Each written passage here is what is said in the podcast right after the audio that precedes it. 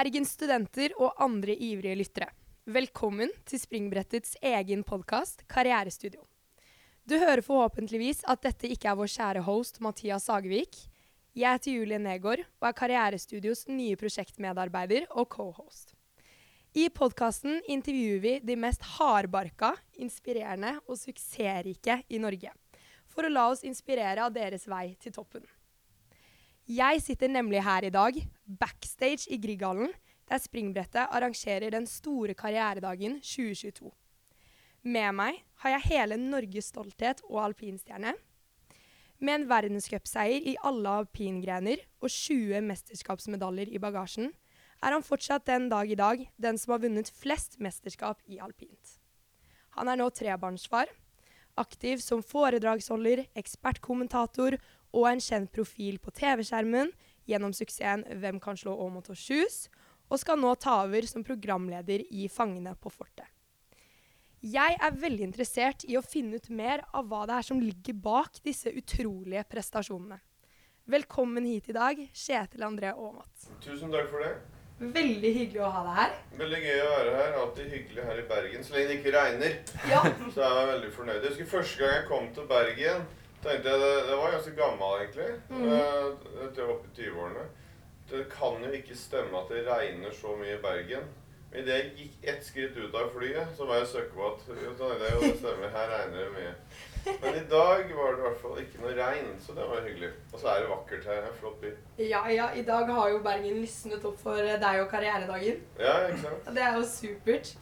Men eh, Kjetil, du vokste jo opp i Oslo. Ja. Og alpint har jo vært en stor del av oppveksten din fra du var seks år. ja. Ja. Vil du si det er oppveksten din og miljøet rundt deg som har lagt grunnlaget for kar karrieren, eller har du rett og slett alltid vært bedre enn de rundt deg? Jeg vet ikke om du så Harald Eia sitt program en gang som het Hjernevask. Uh, og han var jo veldig opptatt av det. Er det miljø, eller er det gener? Ikke sant? Eller er det noe sted midt imellom? Og han kommer inn i det programmet og tenkte at det er veldig mye påvirkning, veldig mye miljøet som avgjør hvor du ender opp i livet. Men han konkluderte vel med det motsatte. At det, som foreldre, da, hvis du gir barna dine vann, kjærlighet, medisiner, eh, så eh, blir de det de blir når de er 19 år, nesten uansett. Selvfølgelig kan man styre det litt. og Jeg har tre barn, jeg og kona mi er glad i sport, så de driver mye med sport. Eh, fordi vi er glad i det, så vi har introdusert dem for de, og kanskje ikke så mye musikk og andre ting. Men allikevel så merker jeg at de, har, de, har, de er sin egen personlighet, og de har sin egen vilje. Eh, så, så som foreldre så tenker jeg at eh, vi prøver bare å gjøre det jeg sa innledningsvis. Da, å være til stede, vise at vi bryr oss, gi kjærlighet. Og så må de på en måte Hvis de brenner for noe, så prøver vi å fortelle konsekvensen av de valgene de gjør. Eh, hvis du liksom har lyst til å bli verdensmester i noe, så tenker vi at da lønner det seg å øve en del og gjøre sånn og sånn og sånn. Eh, Men det er helt greit at man ikke gjør det, men da kan du heller ikke regne med at du skal bli veldig god i noe, da, tenker vi. Eh, Men, men eh, man skal aldri si aldri i forhold til å nå mål, da. Eh, Man skal eh, ting, jeg, har alltid, jeg har vært litt sånn kategorisk før, da, at du må jobbe tidlig på en del ting, være veldig på. Men, men du kan utvikle deg hele livet, og det er aldri for seint altså, å ta skritt. Så uansett om du driver med musikk eller business eller er utdanna, altså du kan alltid øh, komme deg videre, selv om ting føles litt håpløst ut. da. Det gjelder å finne, finne sin interesse og sine forutsetninger, og treffe litt på det. Eh, og ofte så har det en sammenheng med hva er det du liker å drive med, da. Så hvis du finner noe du virkelig elsker å gjøre, så er det en større sjanse for at du har det gøy, og det er det viktigste, og at du også får suksess. For da holder du på hele tida uten at du egentlig tenker på at det er slitsomt. Men uansett hvor gøy du syns noe er, så er det alltid en del av arbeidet som vil være litt strevete og litt slitsomt. Og det må du være villig til å ofre. Hvis du har lyst til å ta det veldig langt. Ehm, så jeg har jo da som For min egen del i oppveksten så hadde jeg jo en far som var knallhard. Men, men eh, det funka på meg fordi jeg ville det. Jeg ville enda mer enn han, nesten. Så eh, det høres ut som mange tenker at jeg har blitt pusha hardt. Men, men jeg, jeg syns det var Fatter'n mener at han bare var rettferdig. Han fortalte meg konsekvensen av valgene jeg gjorde. på en måte. Han syns det er rettferdig istedenfor å bare dulle det inn. da. Når jeg sa at jeg ville nå langt, så sa han da burde du gjøre sånn og sånn og sånn. Så og da gjorde jeg det, og litt til, egentlig. Så når jeg hadde trent med fatter'n, så dro jeg faktisk på Løkka etterpå og sporta resten av dagen fordi jeg elsket sport. Det eneste jeg har vært interessert i. Og det er en kombinasjon av de to tingene som gjorde at jeg ble en, en idrettsutøver. da. Uh, så det er mange foreldre som på en måte uh, prøver å pushe ungene sine, men når de er ferdig med den treninga med foreldrene, så gjør de noe helt annet. Jeg hadde en tanke til. Men det var Ja, altså, intervjuet da, med, med Martin Ødegaard. Mm. Altså han, han eh, fotballspilleren Dere kjenner til han. Han var 15 år, ble tatt ut på A-landslaget i fotball. Så ble han intervjua på TV 2, tror jeg.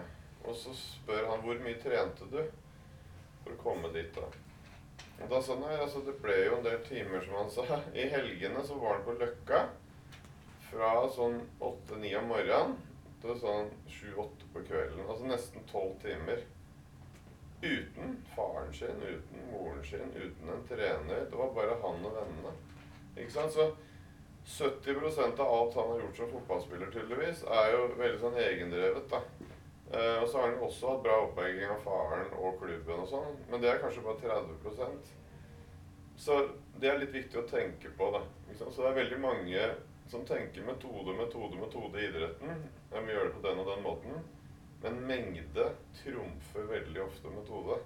Ikke sant? Men best er jo å gjøre begge deler. da. Altså Det kan ikke bare være mengde uten mål og mening, men uh, det er veldig mange som er veldig, for foreldre som på, i fotball spesielt, som er opptatt av å kjøpe seg sånne akademier og diverse og sånn. Men så lenge ikke guttungen din bare har med seg ballen ute i hagen eller sitter på do og trikser, for det er det du må. Du må bare elske det og holde på hele tiden. Spesielt i sånne lavterskelidretter så er det mulig. ikke sant? Så ja, så det er litt viktig øh, å tenke på at det er veldig sånn Når, når, når han elsket fotball så mye, så holdt han på hele tiden. Og da blir han jo god. Selv om han har jo ikke noe sånn Han er ikke rask, ikke stor, ikke noe spesielt. Haaland har jo den rå fysikken, ikke sant, Mm. som er sånn der 1,94 høy og løper 100 meter over ti blank. Eh, Han har den, mens Ødegaard har jo da andre kvaliteter som gjør at han har en annen posisjon på banen. og alt sånt, som er, han, han har kanskje øvd enda mer, vil jeg tro, muligens, enn Haaland. Men Haaland har en sånn der naturlig Kanskje litt Man snakker jo om medfødt talent og mindre talent, eller hva er det? Men det er ofte Altså, talent er kombinasjonen av genene dine og viljen du har til å ta ut det beste av deg sjøl. Og, og summen av talentet vises egentlig i resultatet til slutt. Da. Så du stiller deg bak utsagnet om at eh, det kreves minst 10 000 timer for å bli ekspert i noe? Ja, jeg, jeg, jeg syns det Kanskje mer enn det også. Det er mange som har regnet ut at det var 30 000 timer før de når toppen av Altså, altså sånn Når sitt potensial, kanskje. Eh, Så lenge man holder seg skadefri, så lenge man er motivert, eh, ikke blir hindra av noe. Mm.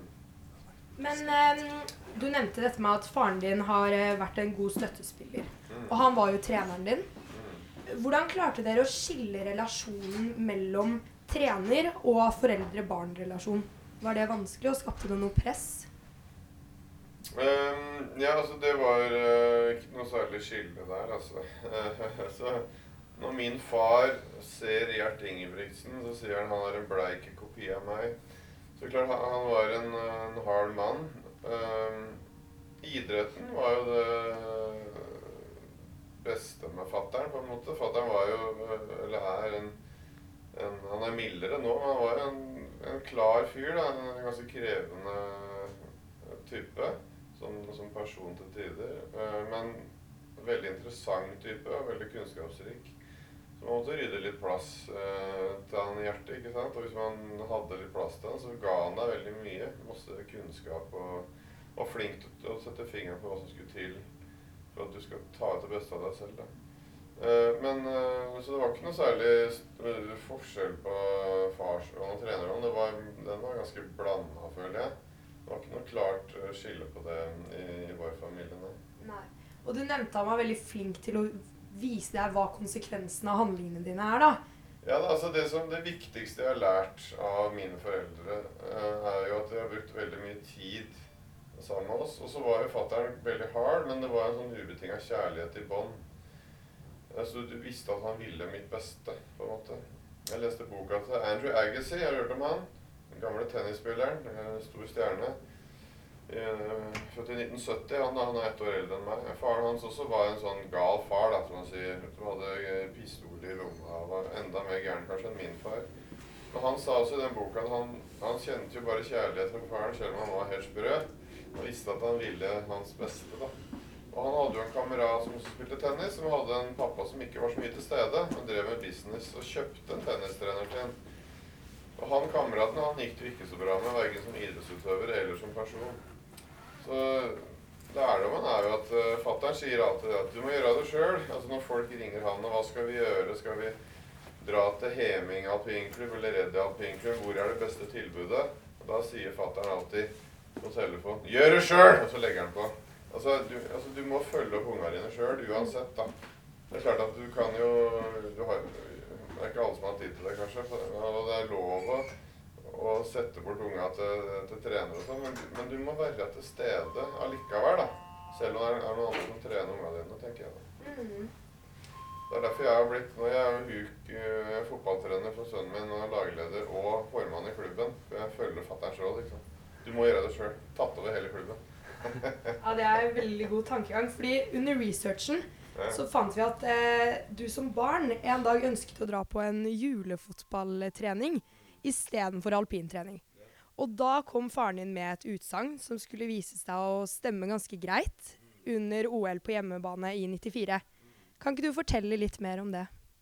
Jo, det er riktig. Da når jeg da dro på den fotballturneringa for jeg maste meg til, da, så skulle han i Kolsåsbakken med søsteren min og kjøre på ski. Og når jeg gikk ut av døra, så sier han Tenk på denne dagen, gutten min, når du taper OL-gull med noen hundredeler. Det at du ikke trente alpint i dag, men dro på denne fotballturneringa. Men kos deg med det du skulle gjøre, han.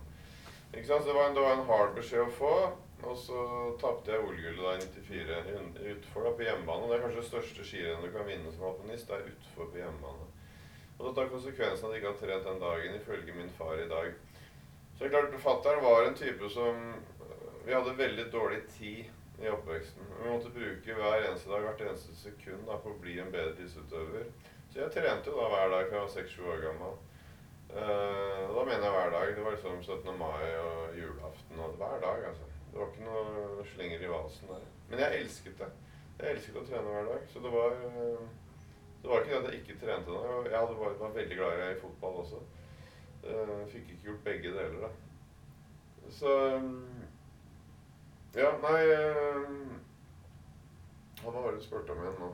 Om dette utsagnet fra faren din. Ja. Nei, ja, altså det eh, Ja, jeg trente hver dag. Altså jeg hadde, Fattern hadde jo sånne rutiner da, fra jeg var en sånn seks-sju år gammel. Uh, dette var på Lammerseter, Oslos første drabantby. Uh, bodde, vi bodde i en blokkleilighet. Vi var jo fattige, ikke sant? vi hadde ikke noe penger. Mutter'n og fatter'n var tenåringer da søsteren min kom til verden.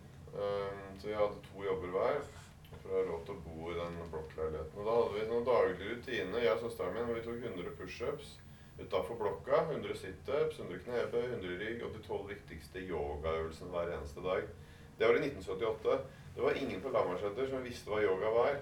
Så naboene bare rista på og syntes vi var klin gærne. Og fatter'n elsket å provosere de fordommene vi de hadde mot at vi drev og trente. Så når vi tok pushups på gressplenen utafor blokka, så gikk han ut på balkongen. Så så han på naboene som rista på huet, så så han på meg som tok pushups. Så sier han 'Tar du ikke 100 pushups, så blir det faen ikke middag'. Så gikk han inn igjen. Så han fikk jo et sabla dårlig rykte, da. Men vi fikk jo middag så lenge vi hadde penger til det. altså.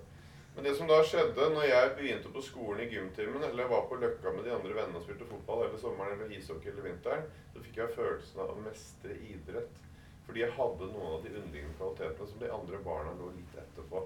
Og det ga meg motivasjon til å drive enda mer med idrett. Og det er den følelsen av mestring som jeg savnet etter å ha lagt opp som idrettsmann. Jeg savnet ikke nødvendigvis å stå på toppen av pallen i OL og motta en gullmedalje.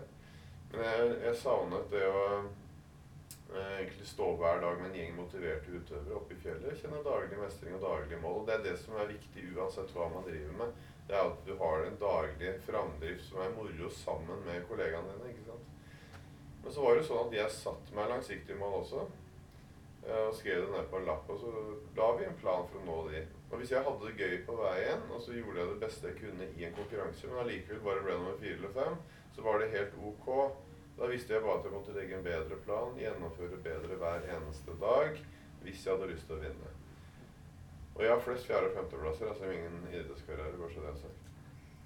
Mange av de som ikke har tatt ut det beste av seg selv i idretten, er mange av de som har sittet og ventet på at ting skal skje. De venter på å få et opplegg fra en trener eller en leder eller lærer, og så gjennomfører de det. Og knapt nok det. Blir ikke noen resultater, så skylder man på opplegget. Mm. Jeg tror det er viktig å være med og planlegge eh, under planlegging. da, Og utfordre da både treneren sin, læreren sin på skolen, lederen sin i arbeidslivet under planlegging, og hver dag under gjennomføring. Da blir det litt mer dynamisk, det man holder på med. Litt morsommere også. Men det er mer slitsomt enn å bare dilte etter. Fattern sa til meg hvis du syns det er et helvete å holde på med det her, så får du heller begynne med noe annet. Så Vi hadde et slagord i Nordstrand Alpingruppe som fattern fant på i 1980, som heter 'Vondt er gøy'. Det er en ren selvmotsigelse, men vi prøvde å ha litt humor da, rundt det å jobbe hardt. rett og slett. Eh, så for meg var det jo enkel psykologi som idrettsmann. Jeg syklet jo ofte fra Oslo-Gryta opp til Tryvannstårnet. Og eh, når jeg passerte Holmenkollbakken og Holmenkollen restaurant, så hadde jeg melkesyre og vondt. Hadde lyst til å stoppe og spise med en gang. Men jeg visste jo hvis jeg fullførte opp til tårnet og så trilla ned og spiste, så var det jo en større sjanse for at jeg kunne vinne et skirenn. Så det er jo ganske enkelt uh, i så måte. Ytre forutsetning er ofte det største hinderet for idrettsfolk. At man skylder på ting man føler man ikke kan gjøre noe med. Og sånn er det kanskje ellers i livet òg. Man skylder på ting. Men også de tingene man føler man ikke kan gjøre noe med, tror jeg man skal prøve å ta et ansvar for. da. Mm. I idretten min kunne være utstyret mitt. Man skylder skylde på skiene, men det er en del av jobben. At skiene skal være bra. Jo, det er en forklaring der og da, men du må da rette på det. ikke sant? Ja, fordi du har jo drevet med dette fra du var barn til du la opp som 35-åring. Mm. Og innimellom alle disse oppturene så må det ha vært noen nedturer også. Kan du komme på en gang du var ordentlig langt nede, og hvordan du kom deg opp igjen derfra? Holdt motivasjonen? Nei, altså Jeg var jo skada noen ganger, for Mm. eksempel. Jeg var, kjørte dårlig i lengre perioder. Presterte dårlig. Men jeg var alltid supermotivert. Altså, Jeg var alltid klar for å komme tilbake. Og hvis jeg visste at jeg hadde et potensial inne, så visste jeg at jeg bare finne veien tilbake dit. Så jeg var, jeg var alltid sur, hele tiden helt motivert. Jeg vet ikke hvorfor, men jeg elska det jeg drev med. Selv om jeg hata det litt òg til tider, for det var jævla mye press. ikke sant? Og du er i det offentlige lyset, du presterer, og du blir målt hele tiden. Pluss at jeg kunne dø i fjellet, ikke sant? for det er farlig. Så, så, og så var det kaldt og jævlig oppe i fjellet der. Så det var jo masse, masse motstand i det, sånn sett. Men jeg var alltid supermotivert. Uh, og så tenkte jeg når jeg var skada, husker jeg var skada 32 år gammel og mista en hel sesong, brakk beinet operert og greier. Da tenkte jeg da er jeg i bånn av den pyramiden som jeg ofte prøvde å bygge for å nå mål. da. Um, og da tenker jeg ok, nå er jeg i bånn her, og nå, jeg- nå kan det egentlig bare gå oppover. da. Så det er et virkelig lykkelig sted å være. Og det er lettere å tenke sånn når jeg er litt eldre. Når jeg er 20 år, så er jeg veldig utålmodig. Men da nå kommer jeg til å få en fin tid. Det går litt sånn i bølger det når jeg er skada, men da, nå er jeg på bånn, så nå kan det bare gå bedre og bedre. Jeg har masse å glede meg til. ikke sant? Så hvis du har den innstillingen, så når du er på bånn, så, så kan du se lyset på andre siden. da. Mm. Så, ja, så jeg var generelt uh, Mange ganger jeg var Det er mer nedtur enn opptur i idrett. altså Spesielt i alpint. Selv den som har vunnet mest skirenn Prosent andel skirenn du vinner, den er ganske lav uansett. Ja, for at det er så mange som vinner, og det er masse som kan skje, og det er verre å vinne og sånn. da. Eh, Noen idretter så vinner man jo hele tiden og sjelden taper, men uh, i akkurat min idrett så er det veldig sjelden jeg vant. Helt, altså, men jeg var fornøyd med fjerdeplass også. Altså, jeg var i toppen, jeg kjempa med de beste. Så det var ikke det at jeg var nødt til å vinne hvert skirenn heller. Så uh, for meg var det jo å skaffe meg et liv, først og fremst. da. Uh, Som idrettsutøver. Kunne leve av sporten var det første målet. Når jeg klarte det, så var jeg egentlig veldig fornøyd. For jeg vokste opp med veldig fattige kår sånn. Så lenge jeg hadde, fikk penger jeg, til å kjøpe mat. Og det er fortsatt i meg nå. Så lenge jeg har penger til mat, så er jeg kjempefornøyd. Det er alt jeg trenger. Ikke sant? Jeg har ikke klokke. Jeg jeg har trenger altså materielle verdier som har- gir meg ingen spesiell glede i det hele tatt. Så øh, jeg er glad for den oppveksten. sånn sett. Selv om det er mange brasilianske fotballspillere som kommer fra slummen, som får for mye for fort. Som ikke takler det. som da blir, da, så, så, jeg, Der har jeg nok fått en ryggrad fra foreldrene mine da, til å takle også en slags suksess. da. Sant? Når du kommer fra en sånn fattig østkant uh, blokkleilighet, og så få, fikk jeg veldig mye veldig fort. Allerede da jeg var 18-19 år, egentlig. Men uh, jeg glemte på en måte ikke hvorfor jeg drev med idrett. Det var ikke pga. at jeg kunne tjene penger. Jeg drev med idrett fordi jeg hadde den indre driven. Jeg elsket det å konkurrere 100 km i en fjellside. Det var det som drev meg. Det var ikke ytre ting. Jeg sto ikke på ski for å tjene penger eller tilfredsstille noen andre, egentlig. Det var liksom det. Jeg, jeg fant liksom, jeg var heldig og fant min passion. Og det var sport. Altså jeg kunne, hadde ikke vært forfatter, så hadde jeg vært fotballspiller. For det var det jeg egentlig likte aller best. Men uh, det var bra det ble alpint. Det er litt lettere å bli, bli verdensmester. Selv om nå har vi jo Haaland, som er verdens, har spist på verdens beste fotballag. Så det er mulig selv i fotball, som er verdens største idrett, å nå langt. Uansett hvor du kommer fra. Da. Mener du det er viktig å være ydmyk for å lykkes, da? Ja, ydmykhet er veldig viktig, og det snakker jeg også litt om etterpå i foredraget. I forhold til lederskap da, i en gruppe. Uh, der var vi heldige. Vi hadde jo en kvinnekultur uh, som kanskje har levd i 30 år i norsk alpinsport. Og den er basert på fire uskrevne regler, egentlig. Og Det første jeg tenker på, er jo da lederskapet i gruppa. Man har trenere, man har ledere, man har ansatte folk. Men den mest naturlige lederen i en gruppe som presterer, er ofte han som er best i gruppa. Han har ikke den posisjonen sånn på papiret, men det er ofte han som er ledestjerne. Så da er det viktig at han også står opp tidligst om morgenen, har de beste holdningene og verdiene. For det, da er han et godt forbilde for de andre. Uh, hvis han ikke er det, noe som ofte er, case i idretten i 15-16-årsalderen For da er det mange som er sånn, veldig flinke, men de er flinke fordi de har et høyt aktivitetsnivå. Men når de blir 15-16, så kan de være litt sånn laidback og kanskje ha dårlige holdninger, da, men de er likevel et forbilde. Og da blir det en negativ kultur. Det er viktig at han som er best, også er den mest hardtarbeidende. Det er viktig for uh, en god kultur. Og um, at han er ydmyk. At han tenker ok, jeg er best akkurat nå, men det er ikke sikkert jeg er best seinere. Eller sånn som vi hadde en som het Ole Kristian Fuse, som var best i gruppa i, og best i verden i 1989. Så tenkte jeg jeg må jo lære av den, den, gjengen jeg trener med. Jeg var bedre, han var bedre enn alle andre, men kanskje skal jeg lære mest av han som er yngst og dårligst i gruppa. Fordi han er faktisk mer i utvikling enn det jeg er. Han var noe han kom ingen vei videre da. Da er du på toppen. Så han andre er nummer 300 i verden. Neste år er han nummer 100. Så han tenkte hva kan jeg her oppe faktisk lære av han her nede. Mm. Aksel Lund Svindal kjenner du sikkert til. Han er en veldig lik type. Veldig sånn Når han var best, så kunne han gi en treningsgruppe se på. Jeg husker vi trente med Johnny Albertsen fra Danmark. Han var, var ikke topp 1000 i verden i alpint engang. Men han ville se på han for han var god på noen ting, han òg. Mm. Ikke sant? Så den derre når du er på toppen og være ydmyk eh, som leder, for du er naturlig leder, og har holdninger og verdier, det er et veldig viktig fundament for en god kultur da, i en gruppe. Uansett om det er en mindre gruppe, større gruppe, om det er en klasse, en kollokvie, så tror jeg det er, er, viktig. Men så er det også måten man prater til hverandre når man har møter og sånn i gruppa. Så Vi på alpinlandslaget hadde veldig ofte møter hver eneste dag. Oppe i fjellet måtte vi bygge vår arena. og Da snakka vi til hverandre. Stor takhøyde. Vi var jo ikke bestevenner, vi var konkurrenter og alt sånt. Men vi snakka rett til hverandre, og møtene begynte ikke i korridoren etterpå. Tror jeg, da, i hvert fall. Vi, så det er viktig at den kommunikasjonen er ganske Det var ganske brutalt. Brutalt ærlig, liksom. Nå skal kanskje være seg noe innimellom, men, men det, det, hjelper for, for kulturen, tror jeg, når den er sånn. Uh, og det tredje er jo at man også blir inspirert av hverandres resultater. At man legger janteloven bort. Hvis noen gjør, gjør, det bra, så gratulerer man, feirer personen, og så spør man hva gjorde du, hva tenkte du? Og så må den dele alt tilbake. Selv om vi var jo konkurrenter. Men det, det, gjorde man i den gruppa. Og det har man alltid gjort da, i The Attacking Vikings de siste 30 årene. Uh, og den fjerde uskrevne regelen som vi har levd etter, tror jeg, er også at vi respekterer hverandres holdninger og verdier. Da. Noen vil jo trene mer, noen vil trene mindre, noen vil trene på en måte og noen på en annen måte. Det er greit. Men hvis ikke det er noe utvikling, så utfordrer vi hverandre litt på de holdningene. Så det tror jeg det er, liksom, det er De fire tingene har vært sånn fundament, tror jeg, for å holde i det livet i den gode kulturen. Og det har kommet nye hele tiden i norsk alpinsport. Mm.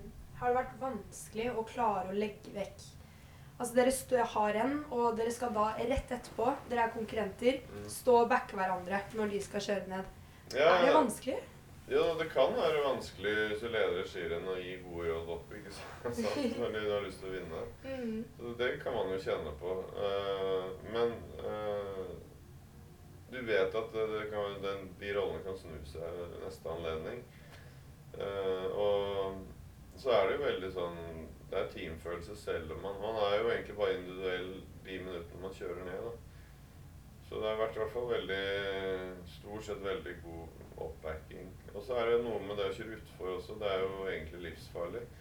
Så det, det, det perspektivet om å overvinne frykten for å dø trumfer jo resultatene. Mm. Så man ønsker jo alltid å hjelpe konkurrenten eller, eller kollegaen sin til å overleve. ikke sant? Så man, man gir så god feedback man kan. Da. Ja. Har du Hva er de viktigste lærdommene fra idretten som du har lyst til å videreføre til dine barn når de skal ut i livet? Nei, altså jeg har Når jeg snakker med litt yngre folk, så har jeg egentlig seks sånne knagger, da. Eh, og den første knaggen, det handler om at man aldri skal gi opp, da. Eh, uansett hva man driver med. Det er ikke lov å, å gi seg. Men jeg snakker ikke om at man kan endre retning i livet og sånn, og endre fokus og endre hva man har lyst til å drive med. Men øh, man skal liksom aldri gi seg. og Jeg var jo, når jeg begynte også, som når du er 15-16 år, man skal bryte inn og Kanskje dere er jo studenter skal begynne på en jobb, og så er det jo veldig mange erfarne folk over dere.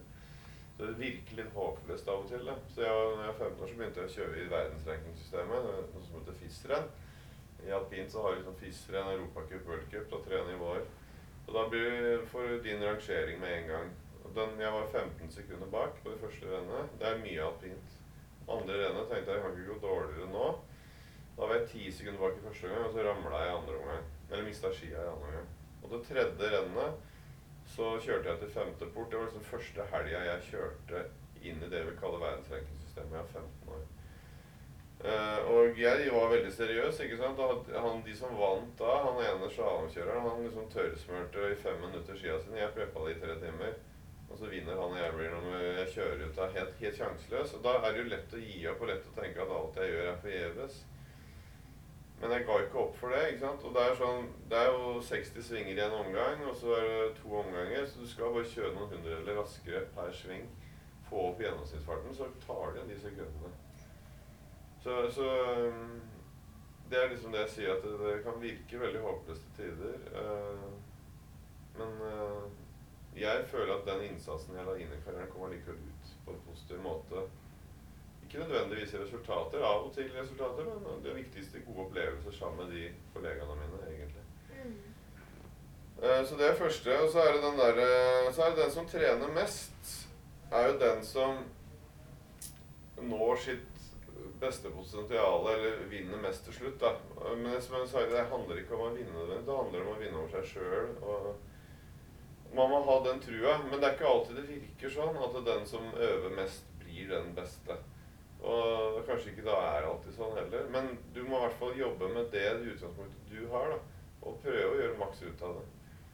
Uh, for du, du, har jo ikke noe annet å jobbe med enn det huet du har og den kroppen du har. da, ikke sant? Og jeg mener at det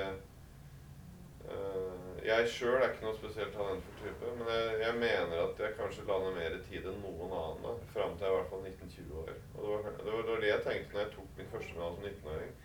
Jøss, nå er jeg her. Jeg har bare sett det på TV. Jeg tenkte aldri at jeg skulle nå det.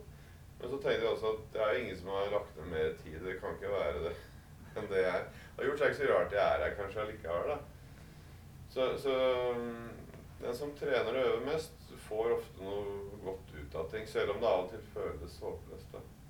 Og det tredje er at man skal gjøre kompisen sin god, sånn som vi snakka om litt akkurat nå nylig. Eh,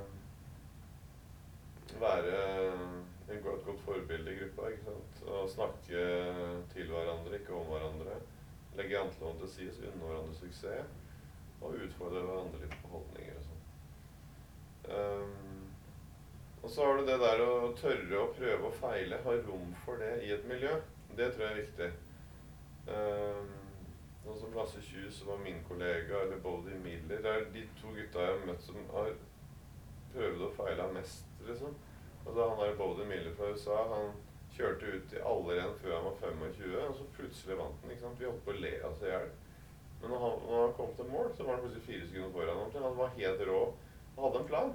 Ikke sant? Skal være jævlig forsiktig med å le av folk. Altså, Det er jævla gøy at folk eh, prøver og feiler. Og det, det skal være rom for det i et hvilket som helst miljø. Du kan gjerne le med de, men ikke av folk. altså Det er livsfarlig. Så det å ha rom for å prøve og feile og være nysgjerrig, det er veldig viktig. Um, og, og ha rom for det, og, og tørre å være en sånn person. Um, og så Ja, fader Nå var det fire knagger. Jeg har to knagger igjen. Det husker jeg ikke sjøl, de knaggene. Uh, men det er derfor jeg så på den her i stad. Jeg hadde de oppe der. Skal vi se. Ja. Jo, så var det det med unnskyldninger, da, ikke sant? som jeg også, vi snakka litt om i stad. Ikke? Tenk på hva kan du gjøre? Uh, ikke alltid peke på alt mulig annet. Det er riktig. Men da, også det det å ha det gøy, da. ikke sant? Og det å ha det gøy i mitt hode, det er jo å være i utvikling sammen med andre. Ikke å også Du kan godt ta en fest i ny og ne, sånn, men det må jo tilpasses hvis du har lyst til å ha utvikling. Men utvikling er, eh, er det å være sammen med folk som drar i samme retning og opplever mestring sammen. Det er det morsomste i verden. Så, så man skal, det skal være moro. eh, For det er ikke sikkert eh, man når målet sitt, men det er i hvert fall gøy å ha Det er bra hvis man har hatt det gøy på veien. da. Mm. Så du føler ikke at du har gått glipp av noe i livet gjennom alt dette harde arbeidet? Nei, jeg føler bare at det har gitt meg ganske mye. altså. Så jeg var jo veldig nerd. Jeg var jo det. Jeg, jeg var på byen et par ganger sånn 18-19 Jeg skjønte ikke Folk satt og Hva er meninga med det her, tenkte jeg. Altså det Jeg var kanskje dårlig på det, for å si det sånn. Men det, det ga meg ikke så mye det, Jeg syns det var mye mer interessant å være i et sånt miljø hvor vi, vi prøvde å bli gode på noe. da. Mm. Ja, og så Vi har jo lyst til å ta fem kjappe med alle intervjuobjektene Mm. våre. Er du med på det? Ja, jeg kjøper. Ja. Det første vi lurer på da er hva er det mest romantiske du har gjort? Er du en romantiker? Nei ja, Det må være Det må jo være at jeg fridde da, til kona mi. egentlig. Det må jo være det. Da hadde jeg pugga sånn seks sånne dikt som jeg hadde skrevet. da, Som jeg hadde pugga utenat. Uh, jeg skulle egentlig fri oppe på en strand oppe i Lofoten der. Uh, Bunestranda. Men da hadde jeg glemt ringen. da, Så det endte med at jeg fridde bare hjemme i dobbeltsenga isteden. Men uh, tanken var jo god. Så, men det er nok det mest romantiske, vil jeg tro. Uh, men jeg tror kanskje det mest romantiske altså det er at du er en familiekjær far som prioriterer familien foran deg sjøl når du har fått unge. Så du tar etter faren din, som du har sagt? Ja han, han, han også ja, men det, ja, på en måte, men jeg er ganske annerledes i tilnærmingen eh, til, Ja. til familielivet allikevel. Mm. Jeg er ikke like eksentrisk. Jeg er ikke, litt mer normal, kanskje. Men eh, du snakker jo mye om alle de gode rådene du har fått, og um, hva man skal ha i bakhodet. Men hva er det dårligste rådet du har fått, som du aldri ville fulgt selv? Har du, kommer du på noe? Jeg har gjort veldig mye altså Fattern har gjort meg, meg masse dårlige råd, men i beste mening. For at uh, vi kunne ikke så mye om alpint, egentlig. Han har jo aldri drevet med det sjøl. Så vi gjorde veldig mye dumt. Altså Som gjorde at uh, karrieren ble dårligere enn den kunne ha blitt. Men det gjør jo alle, så lærer av sine feil. da. Men det er ikke så farlig, egentlig. Men det å gi sånne alvorlig dårlige veivalg i livet uh, er jo Altså, du Egentlig så kan jeg si det sånn Willy Railo er en gammel uh, psykolog som hadde sånn uh, Jeg kan, jeg tør, jeg vil. Ikke sant? Når du skal gjøre noe. Jeg kan det. Jeg du vil kunne klare det. Skal tørre det og prøve, og du må ville det. Du må ikke noe. Du skal ikke noe. Det er litt sånn uh, Fatter'n prenta inn i meg, da. Ikke sant? Det er ikke noe du må gjøre. Så du kan alltid gå en annen vei. Du skal ikke noe, men du skal tørre det, ville og kunne. Det er liksom sånn Hvis du tenker på de ordene, så er det litt mer sånn Ja, det er en fin retningssnor i livet, da. Men hvis du driver og presser ting nedpå folk, da, eller Og er veldig sånn absolutt i meningene dine. Altså, hva, tenk sjøl. Det tror jeg er viktig altså for dere ungdommene. Tenk sjøl. det er ikke alltid at uh, Skal ha respekt for de gamle, og sånn, men det, det, er ikke alltid at det er riktig for deg, det de sier. Så. Men, men uh, direkte farlige råd eller dårligere det, Nei, kommer ikke på noe akkurat nå. Sånn, sånn, som, som, er litt for meg morsomt. Si. Men, men jeg er sånn, sånn som direkteråd i alpint da, så var det, jeg, jeg, gikk ned i vekt for å liksom bli bedre i slalåm. Men det er veldig dumt i alpint, da, for det er tyngdekraften som drar deg ned i fjellet. Så da kjørte jeg dårlig noensinne i alle grener. ikke sant? Og jeg ble skada og sjuk i tillegg. Så ikke gjør det. Så, uh, det jeg, jeg, hadde nok gjort masse annerledes. Men du er jo den du er da, og må leve med de feilene på godt og vondt. da. Har du Altså, du har jo et busy liv. Men hva er det første du gjør når du våkner? Har du et ritual som er viktig for uh, resten av dagen? Nei, ingen ritualer overhodet. Men jeg var veldig sånn overtroisk når jeg var alpinist, faktisk. På en del ting. Så da var jeg mer sånn på å ha på meg riktig underbukse omtrent for å vinne skirenn. Eller Jeg var litt sånn overtroisk, og det er jo veldig dumt energibruk. da. Og mm. tull og tøys. ikke sant? Mm. Man blir mer pragmatisk med årene hva som er riktig. Men det er en erfaringssak. da. Jeg har ingen rutiner whatsoever. Skulle ønske jeg hadde dusja i dag før jeg dro. For da hadde jeg sett litt bedre ut på håret. Jeg skal på scenen etterpå, men så de får, ta, de får ta meg som jeg er. Ja, men det, jeg tror alle er ekstremt happy for å ha deg her. Ja. Men eh, sist, men ikke minst. Du må jo ha tilbrakt tilnærmet like mye tid med Lasse Kjus som med kona di. Ja. Hvem liker du best å dele rom med? Ja, det er kona. Eller nå, nå er jeg blitt veldig glad i enerom, egentlig. fordi etter, vi, vi, vi, har et problem med å legge ungene. så Vi ligger, vi våkner, legger oss i ene siden, våkner i en annen. Og det er helt kaos. Så jeg har jo nesten ikke bodd på rommet med kona mi det siste året. For at ungene har vært all over the place. Og hun femåringen, siste attpåklatten vi fikk, hun ligger på tvers oppå oss. og det er helt, Jeg må legge meg inn i hennes singelseng. Der trives jeg ganske godt, egentlig. Så akkurat nå så trives jeg veldig godt når jeg får enerom. Men uh, jeg velger kona mi uh, over Lasse ti av ti. Det er ikke noe tvil om. Selv om Lasse han, han, Det som han skal ha, er at han snorker ikke. Ligger helt stille. Så det er veldig ålreit sånn sett. Bra romkamerat. det er bra. Nei, men Tusen takk for at du tok deg turen hit i dag. Eh, jeg tror eh, lytterne kommer til å ha masse å ta med seg videre fra dette ut i arbeidslivet. Satser på det. Ja, Lykke til på foredraget etterpå. Takk for det. takk for det. Tusen takk.